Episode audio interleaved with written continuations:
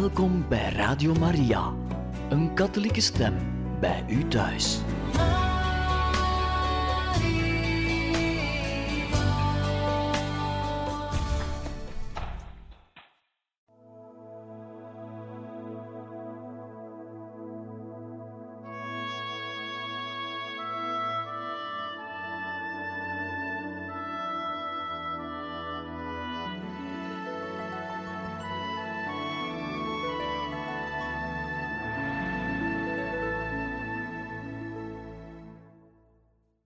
Beste luisteraars van Radio Maria, in dit programma lezen wij verder voor uit het boek Don Bosco van Teresio Bosco.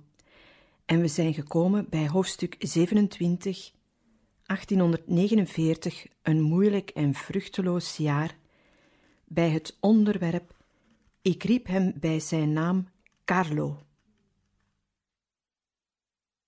Het tweede wondergeval werd in het Frans opgeschreven door Marquisin Maria Fassati, geboren de Meistre. Ze verklaarde: Ik heb dat verhaal uit de mond van Don Bosco zelf gehoord en heb het met de grootst mogelijke juistheid trachten vast te leggen. Op zekere dag kwam iemand Don Bosco halen voor een jongen, een trouw patronaatslid van Don Bosco, die ernstig ziek was. Don Bosco was echter afwezig en keerde pas twee dagen later naar Turijn terug. Hij kon pas de volgende middag tegen vieren naar de zieke gaan. Toen hij bij het huis aankwam, hing de zwarte lap met de naam van de jongen die hij kwam opzoeken aan de deur.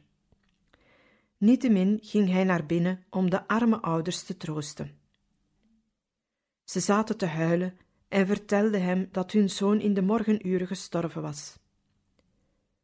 Toen vroeg Don Bosco of hij naar de kamer mocht waar het lijk van de dode lag, om hem nog één keer te zien. Een familielid vergezelde hem. Toen ik de kamer binnentrad, heeft Don Bosco bevestigd, kreeg ik de indruk dat hij niet dood was. Ik ging naar het bed toe en riep hem bij zijn naam. Carlo! Hij deed zijn ogen open en groette mij met een verbaasde glimlach. O, Don Bosco, zei hij luidop, u hebt mij uit een akelige droom gewekt. Op dat ogenblik vluchtten enige personen die in de kamer waren, verschrikt weg en stoten onder luide kreten de kandelaars omver. Don Bosco haastte zich het beddelaken weg te trekken waarin de jongen gewikkeld was terwijl de jongen doorging met praten. Ik had het gevoel dat ik in een lang donker hol geduwd werd, dat zo nauw was dat ik nauwelijks kon ademen. In de verte meende ik een grotere en heldere ruimte te zien, waar een aantal zielen geoordeeld werden. Mijn angst en mijn ontzetting namen steeds toe, omdat ik een groot aantal veroordeelden zag. En toen het mijn beurt was en ik net als zij veroordeeld zou worden, omdat mijn laatste biecht slecht was geweest, riep u mij wakker. Inmiddels waren Carlo's vader en moeder aankomen lopen bij het bericht dat hun zoon nog leefde. De jongen groette hen hartelijk, maar zei hun dat ze niet op zijn genezing mochten rekenen.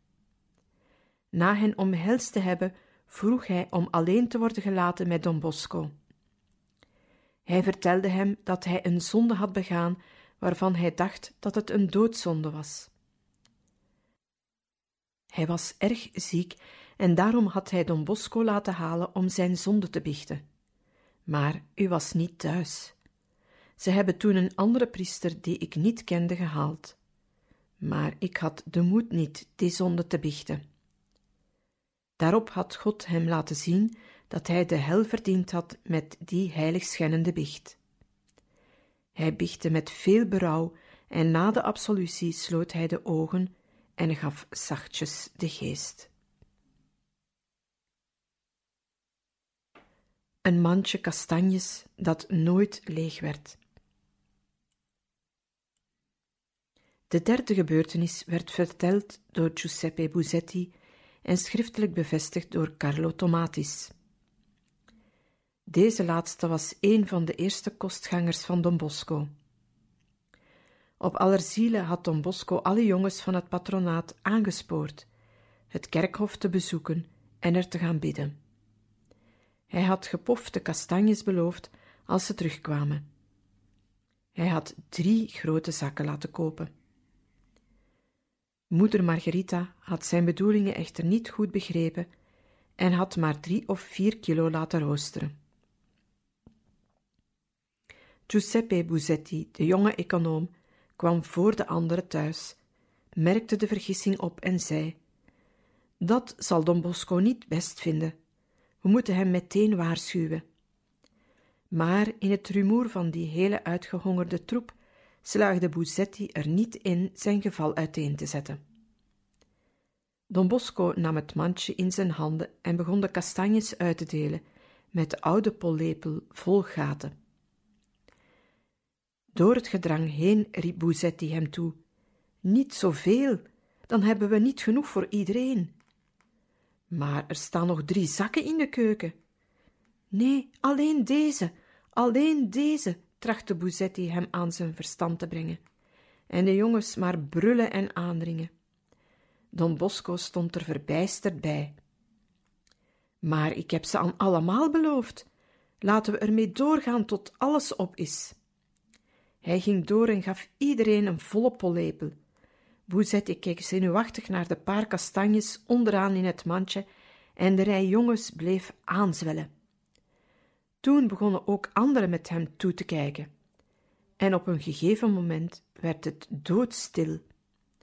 Honderden ogen staarden stom verbaasd naar het mandje dat maar niet leeg raakte. Er was voldoende voor allen. En misschien hebben die jongens met hun handen vol povere kastanjes die avond wel voor de eerste keer geroepen: Don Bosco is een heilige.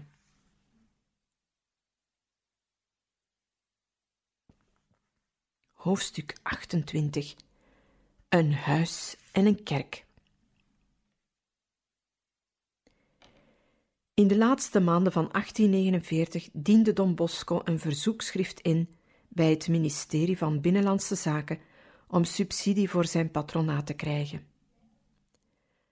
Op een zondagmiddag in januari 1850 kwam een commissie van drie senatoren, Sclopis, Pallavicini en Conegno, naar Valdocco om het werk te bezoeken en er verslag over uit te brengen bij de Senaat en de minister. Hun indruk was erg positief. Ze zagen vijfhonderd jongens spelen op de binnenplaats en op de weide en zagen hen in en rond de kapel biddend bijeen. Ze vroegen nauwkeurig uitleg over het internaat, waar een dertigtal kostgangers verbleven. Graaf Sclopis ondervroeg op goed geluk af een jongen. Het was Giuseppe Vanzino. De jongen kwam uit Varese, zijn vader was dood en hij leerde voor steenhouwer. Onder een tranenvloed van de jongen kreeg hij ook te horen dat zijn moeder in de gevangenis zat. En waar ga je dan s'avonds slapen? vroeg de graaf een beetje onhandig. Tot voor enkele dagen sliep ik in het huis van mijn patroon, maar nu heeft Don Bosco mij in huis opgenomen. In de Senaat bracht Pallavicini verslag uit. Het is vastgelegd in de officiële akte van 1 maart. Daar staat: De instelling van de voortreffelijke, ijverige priester Don Bosco maakt godsdienstig en zedelijk een zeer nuttige indruk. Het zou een groot verlies voor de stad zijn als die instelling bij gebrek aan steun tijdelijk of definitief zou verdwijnen. Onze commissie richt een dringend verzoek tot het ministerie van Binnenlandse Zaken om een zo nuttig en heilzaam werk daadwerkelijk te hulp te komen. In lieren uitgedrukt brachten die woorden Don Bosco drie biljetten van honderd van de zijde van de Senaat en twee biljetten van duizend uit de kas van de minister Urbano Ratazzi. Maar het voornaamste resultaat waren niet de lires, al werden ze graag in dank aanvaard. Een langdurig en ernstig conflict tussen kerk en staat stond in Piemonte voor de deur.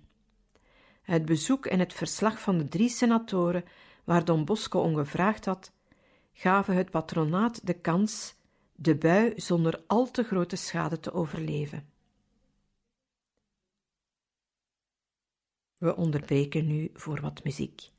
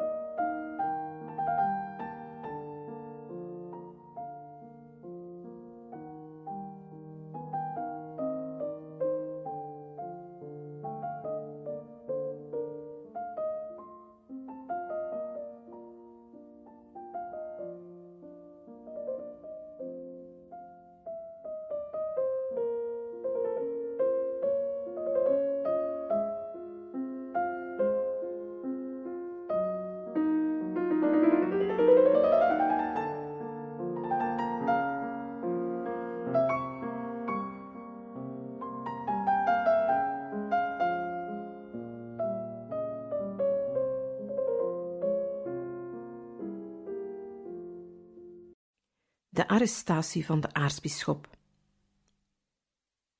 In december 1849 ondertekenden duizend geestelijke en tienduizend Turijnse burgers een petitie aan eerste minister D'Azeglio, waarin om de terugkeer van aartsbisschop Fransoni gevraagd werd, die nog altijd in ballingschap zat in Genève. Het was een touwtrekken tussen de koning, de ministers en de aartsbisschop van Genua. Maar in februari 1850 kon Monseigneur Fransoni naar Turijn terugkeren. Het waren opwindende dagen. In de Kamer kwam het tot heftige discussies over de wetsontwerpen die door de minister van Justitie Sicardi waren ingediend. Men wilde enkele oude kerkelijke voorrechten afschaffen. Ten eerste de kerkelijke rechtbank, zodat bisschoppen en priesters bij gewone misdrijven niet meer voor een kerkelijke rechtbank, maar voor een burgerlijke rechtbank zouden moeten verschijnen. Het asielrecht, Dit wil zeggen dat de politie van misdrijven verdachte personen niet in een kerk of klooster mocht aanhouden. Ten derde, de mogelijkheid kerkelijk bezit te vergroten. Op 8 april werden de Sicardi-wetten door Kamer en Senaat goedgekeurd en op 9 april door de koning bekrachtigd. In de stad kwam het weer tot anticlericale relletjes. Er vonden optochten plaats en de mensen riepen: Weg met de priesters, leven Sicardi! Het verzamelpunt was het aartsbisschoppelijk paleis. Eerst bleef het bij roepen en beledigingen. Weg met Fransoni, weg met de pauselijke gezant. Toen werden er stenen gegooid. De ruiten van het aartsbisschoppelijk paleis moesten eraan geloven en men probeerde de toegangspoort in te beuken. Ruitereskadrons met getrokken sabel moesten eraan te pas komen. De klerus reageerde onmiddellijk. In een brief van kardinaal Antonelli protesteerde Pius IX heftig. De pauselijke nuntius vroeg zijn paspoort en verliet Piemonte. Op de achttiende stuurde de aartsbisschop een geheim rondschrijven aan alle pastoors. Hij verbood iedere priester zonder zijn persoonlijke toestemming voor een openbare rechtbank te verschijnen. 21 april. De politie deed een inval in de drukkerij Botta. Daar was het rondschrijven gedrukt. In het postkantoor en in het aartsbisschoppelijk paleis. De brief werd in beslag genomen en als aansporing tot opstand beschouwd. Monseigneur Fransoni werd voor het burgerlijk gerecht gedaagd, waar hij weigerde te verschijnen en tot 500 lire boete en een maand gevangenisstraf veroordeeld. Op 4 mei werd hij smiddags aangehouden en naar de militaire citadel overgebracht. Turijn beleefde spannende ogenblikken. De katholieke oppositie was wel sterk, maar in het parlement zwak vertegenwoordigd. Slechts 2% van de bevolking had stemrecht. De commandant van de citadel, graaf Fialardi, ontving de aartsbisschop en barstte in tranen uit, terwijl de bevelhebbende generaal Imperor hem zijn eigen vertrekken afstond. Vele afgevaardigden vroegen de koning toestemming de gevangenen te mogen bezoeken. Ook Don Bosco deed dat en stuurde tevens enkele afvaardigingen van zijn jongens naar de citadel. Eind juli nam de spanning tussen regering en aartsbisschop weer toe. Pietro de Rossi di Santa Rosa, de minister van Landbouw, werd zwaar ziek. Hij vroeg om de sacramenten. De aartsbisschop gaf de pastoor, lid van de congregatie van de Servieten, de opdracht van de zieke publieke herroeping van de Sicardi-wetten te eisen. Santa Rosa weigerde en stierf op 5 augustus zonder de laatste sacramenten. In de straten van Turijn ontstonden weer relletjes. De servieten werden uitgewezen. De minister van Oorlog, Alfonso La Marmora, vroeg Monseigneur Fransoni vrijwillig afstand te doen van het aardbisdom. Omdat deze weigerde, liet de minister hem op 7 augustus door de carabinieri aanhouden en in het fort Fenestrelle bij de Franse grens interneren. Vandaar werd de aartsbisschop op 28 september uit de staat verbannen. Benden bestormden de kloosters van de stad. Oblaten, Barnabieten en Dominicanen moesten zich in hun huizen barricaderen. Op 14 augustus kwam een zekere Volpato naar Valdocco en waarschuwde Don Bosco dat ook het patronaat s'avonds zou worden aangevallen. Het zou beter zijn meteen met zijn jongens te verdwijnen. Don Bosco dacht na en besloot toch te blijven. Omstreek zestien uur begaf de stoet zich naar de buitenwijken. Maar volgens Don de Moine bevond zich onder hen iemand die aan Don Bosco veel te danken had. Hij hield de voorste groepen tegen en zei: Wij doen er verkeerd aan het patronaat aan te vallen. Wij zullen er alleen arme jongens vinden en een priester die hun te eten geeft. Don Bosco is iemand uit het volk, net als wij. Laten we hem met rust laten. Er werd even over gepraat en de stoet sloeg een andere weg in. We onderbreken hier even voor wat muziek.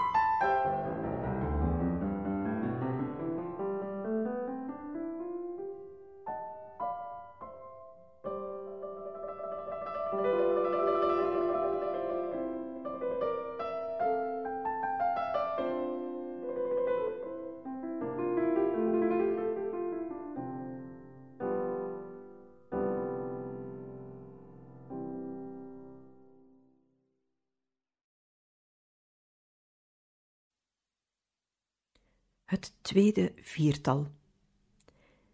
Tijdens al dat rumoer bleef Don Bosco rustig doorwerken. Reviglio, Bellia, Buzzetti en Gastini gingen door met hun spoedcursus en waren nu ongeveer klaar voor de inkleding. Michelino Rua had in de zomer van 1850 de lagere school bij de broeders van de christelijke scholen afgesloten, en Don Bosco verloor hem niet uit het oog. Op een dag neemt hij hem even terzijde. Wat wil je volgend jaar gaan doen? Mijn moeder heeft gepraat met de directeur van de Fabrica d'Armi. Ze nemen mij aan op het bureau. Dan zal ik ook ons gezin kunnen helpen. Maar ik heb ook met iemand gepraat. Je leraren hebben mij verteld dat je een goed verstand van ons lieve Heer gekregen hebt en dat het zonde zou zijn als je je studie niet zou voortzetten. Zou je daar iets voor voelen? Natuurlijk, maar mijn moeder is arm en een vader heb ik niet meer. Waar moet zij geld voor mijn studie vandaan halen? Daar zorg ik wel voor. Jij vraagt je moeder alleen of je met de studie Latijn mag beginnen. Vrouw Giovanna Maria keek haar grote bleke jongen lange tijd aan. Ze had hem geestdriftig over Don Bosco horen praten en antwoordde: Ik vind het goed, Michelino, maar hoe is het met je gezondheid? Onze lieve Heer heeft al vier van je broers tot zich genomen en jij bent nog zwakker dan zij. Zeg Don Bosco dat jij je niet te veel over de boeken laat buigen. aangezien Michelino op een paar passen afstand van het patronaat woonde en werkelijk niet erg gezond was, liet Don Bosco hem nog twee jaar thuis. Maar in november stuurde hij hem naar de privéschool van professor Giuseppe Bonzanino. S'avonds gaf hij zelf hem bijles in rekenen en tientallig stelsel. Naast Rua waren er nog de jongens Angelo Savio, Francesia en Anfossi, het tweede viertal. Don Bosco hoopte dat ze eens priester zouden worden. Terwijl Buzzetti en de anderen Don Bosco een handje hielpen, gingen Michele Rua en Angelo Savio zondags naar de patronaten van Vanciglia en Porta Nuovo, waar ze gingen helpen en catechismusles gaven. 2 februari 1851 Na veertien maanden spoedcursus legden zijn eerste vier jongens een briljant examen af bij de Turijnse curie. Busetti, Castini, Bellia en Refiglio werden in het patronaat ingekleed. Don Bosco straalde. In zijn ogen waren de eerste lammeren eindelijk op weg herders te worden. Maar hij vergiste zich. Van de vier jongens die de volgende dag de studie van de wijsbegeerte begonnen, zouden Bellia en Reviglio wel priester worden, maar niet in het patronaat blijven. Gastini verloor de moed en gaf zijn studie op. En Buzetti zou weliswaar bij Don Bosco blijven, maar zonder priester te worden. De eerste verwachting van Don Bosco die ten volle vervuld zou worden, is de zwakke, bleke jongen die bij zijn moeder bleef wonen, Michelino Rua.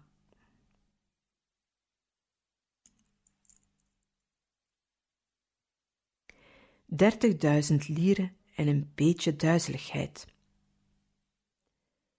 Na de inkleding van de eerste vier priesterstudenten dacht Don Bosco aan een eigen huis. Hij kon niet in een huis blijven waar hij van de ene op de andere dag door vreemden uitgekocht kon worden. Op een zondagmiddag, toen Don Borel aan het breken was, klampte hij Francesco Pinardi aan.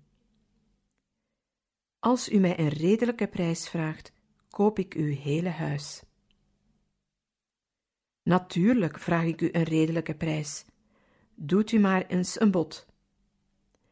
Ik heb het huis laten schatten door ingenieur Spezia, een eerlijke man.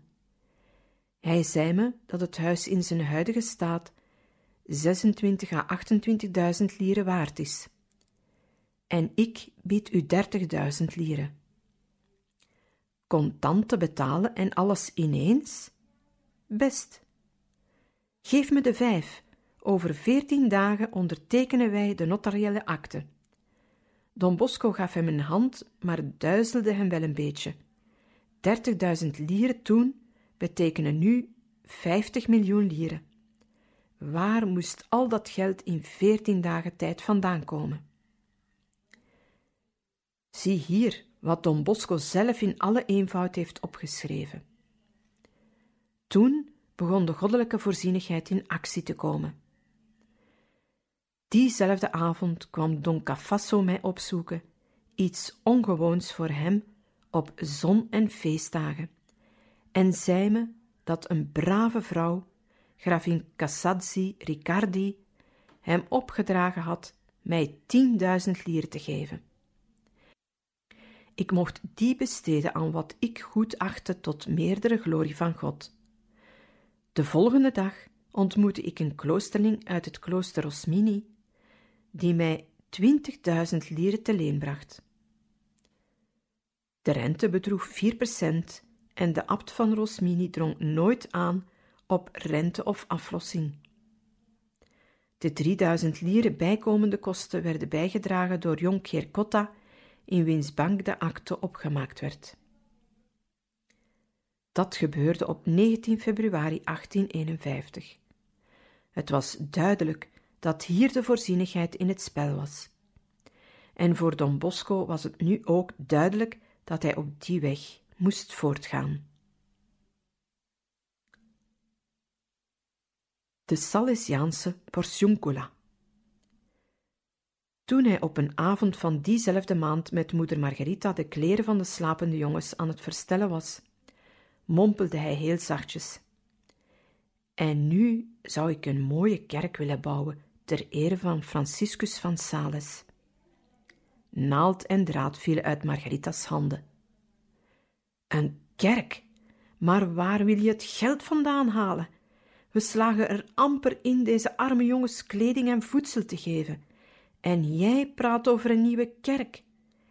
Ik hoop dat je er twee keer over zult nadenken en dat je je goed met onze lieve Heer verstaat, voordat je je in zo'n avontuur stort. Moeder, als u het geld had, zou u het mij dan geven? Zeker, maar ik heb niets meer. En denkt u dan dat God, die beter en edelmoediger is dan u, mij het geld zal weigeren? Met zo'n zoon valt niet te redeneren. Aan de andere kant had Don Bosco groot gelijk. De Pinardi-kapel was vergroot, maar de jongens konden er toch niet allemaal in, al had ze drie verdiepingen gehad. Daar komt nog bij, omdat de kapel twee treden lager lag dan de begane grond, zo schrijft Don Bosco, stond de kapel in de winter en bij regenweer spoedig onder water. En in de zomer stikte men er van de warmte en van de muffe lucht. Het ontwerp liet hij maken door jonkheer Blanchier. De aannemer was Federico Bocca. Ik zeg u van tevoren, zei Don Bosco lachend, dat ik soms geen geld zal hebben om u te betalen. Nou, dan werken we wat langzamer. Nee, nee, ik wil dat er heel vlug gewerkt wordt en dat de kerk er over een jaar staat. Frederico Bocca haalde zijn schouders op. Goed, dan zullen we vlug werken. Maar dan moet u even vlug met de liers voor de dag komen. Toen de fundering was uitgegraven, zo schrijft Don Bosco, had de eerste steenlegging al plaats op 20 juli 1850. Dat gebeurde door jonkheer Giuseppe Cotta, een van de grootste weldoeners van Don Bosco. Michele Rua, veertien jaar oud, las het dankwoord voor. De toespraak werd gehouden door de bekende spreker Pater Barrera. Bij dergelijke gelegenheden wordt nog alles overdreven of bombastische taal gesproken. Barrera had ook een prachtige vergelijking gevonden, maar zijn woorden waren geen overdrijving. Deze steen is het mosterdzaadje. Als een boom zal het opgroeien en veel jongens zullen daaronder komen schuilen. We onderbreken nu voor wat muziek.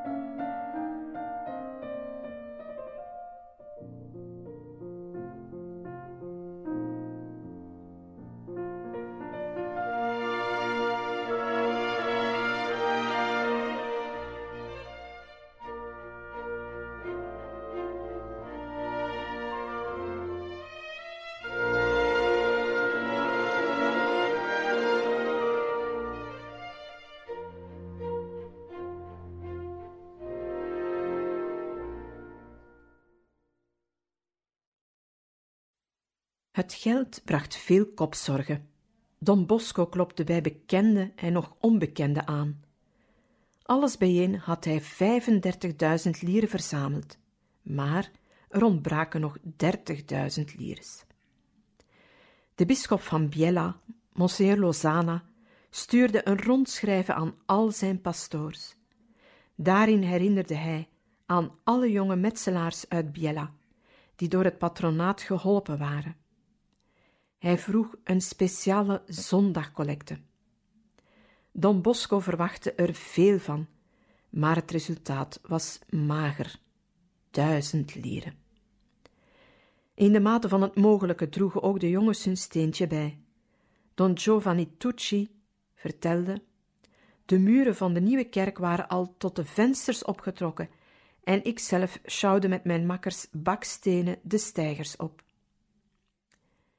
Om die ontbrekende dertigduizend lieren bij elkaar te krijgen, schreef Don Bosco voor de eerste keer een openbare loterij uit. Hij schreef daarover: We haalden 3300 prijzen bij elkaar. De paus, de koning, de koningin moeder en de koningin stonden met hun giften op de erelijst. De prijzen werden tentoongesteld in een grote zaal achter de kerk van de heilige Dominicus. De lijst van de prijzen werd in een uitvoerige folder bekendgemaakt.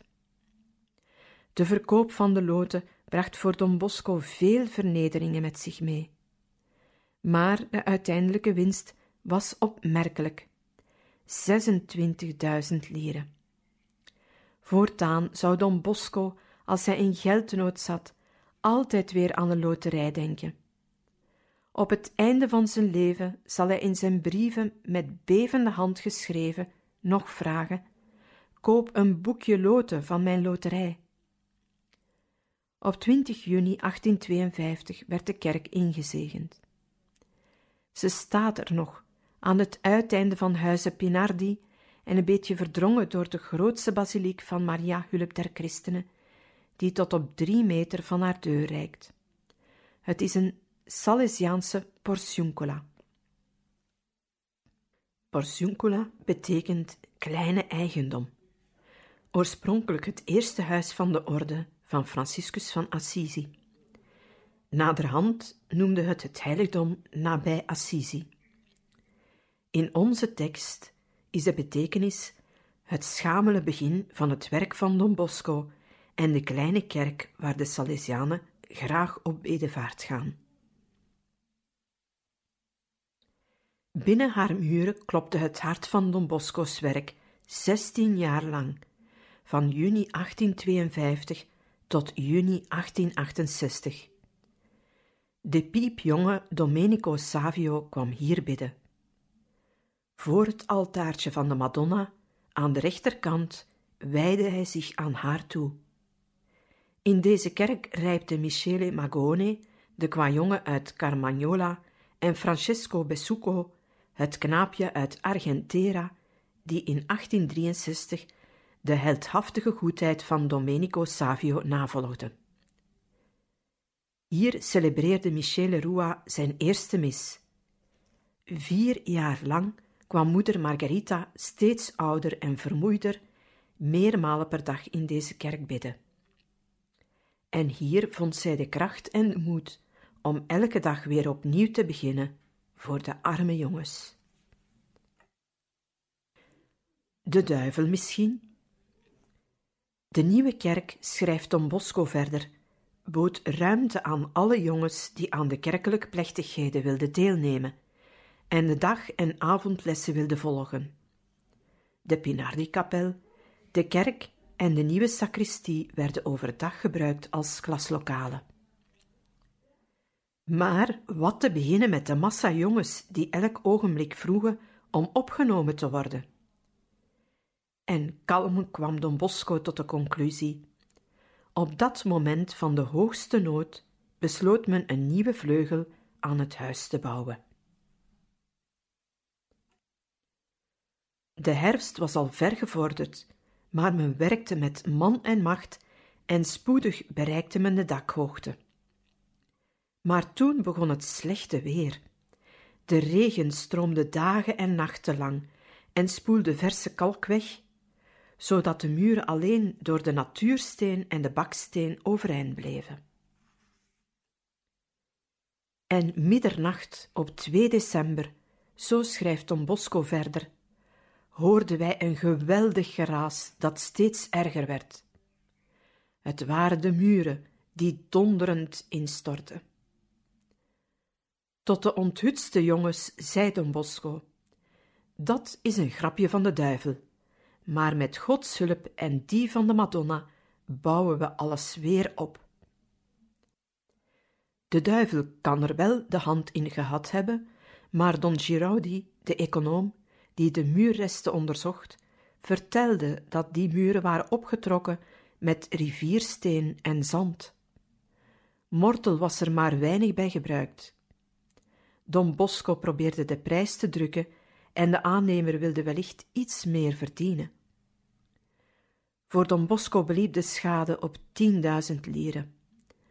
Pas in de lente kon het werk worden hervat en het gebouw stond er in oktober 1853.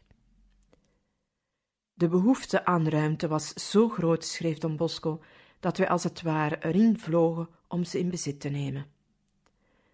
Klasse, eetzaal, slaapzaal konden worden ingericht en in gebruik genomen. Het aantal kinderen werd opgevoerd tot 65. We beëindigen hier deze lezing uit het boek Don Bosco met hoofdstuk 28, een huis en een kerk, en we gaan volgende keer verder met hoofdstuk 29, en God stuurde een hond. Dank voor het luisteren.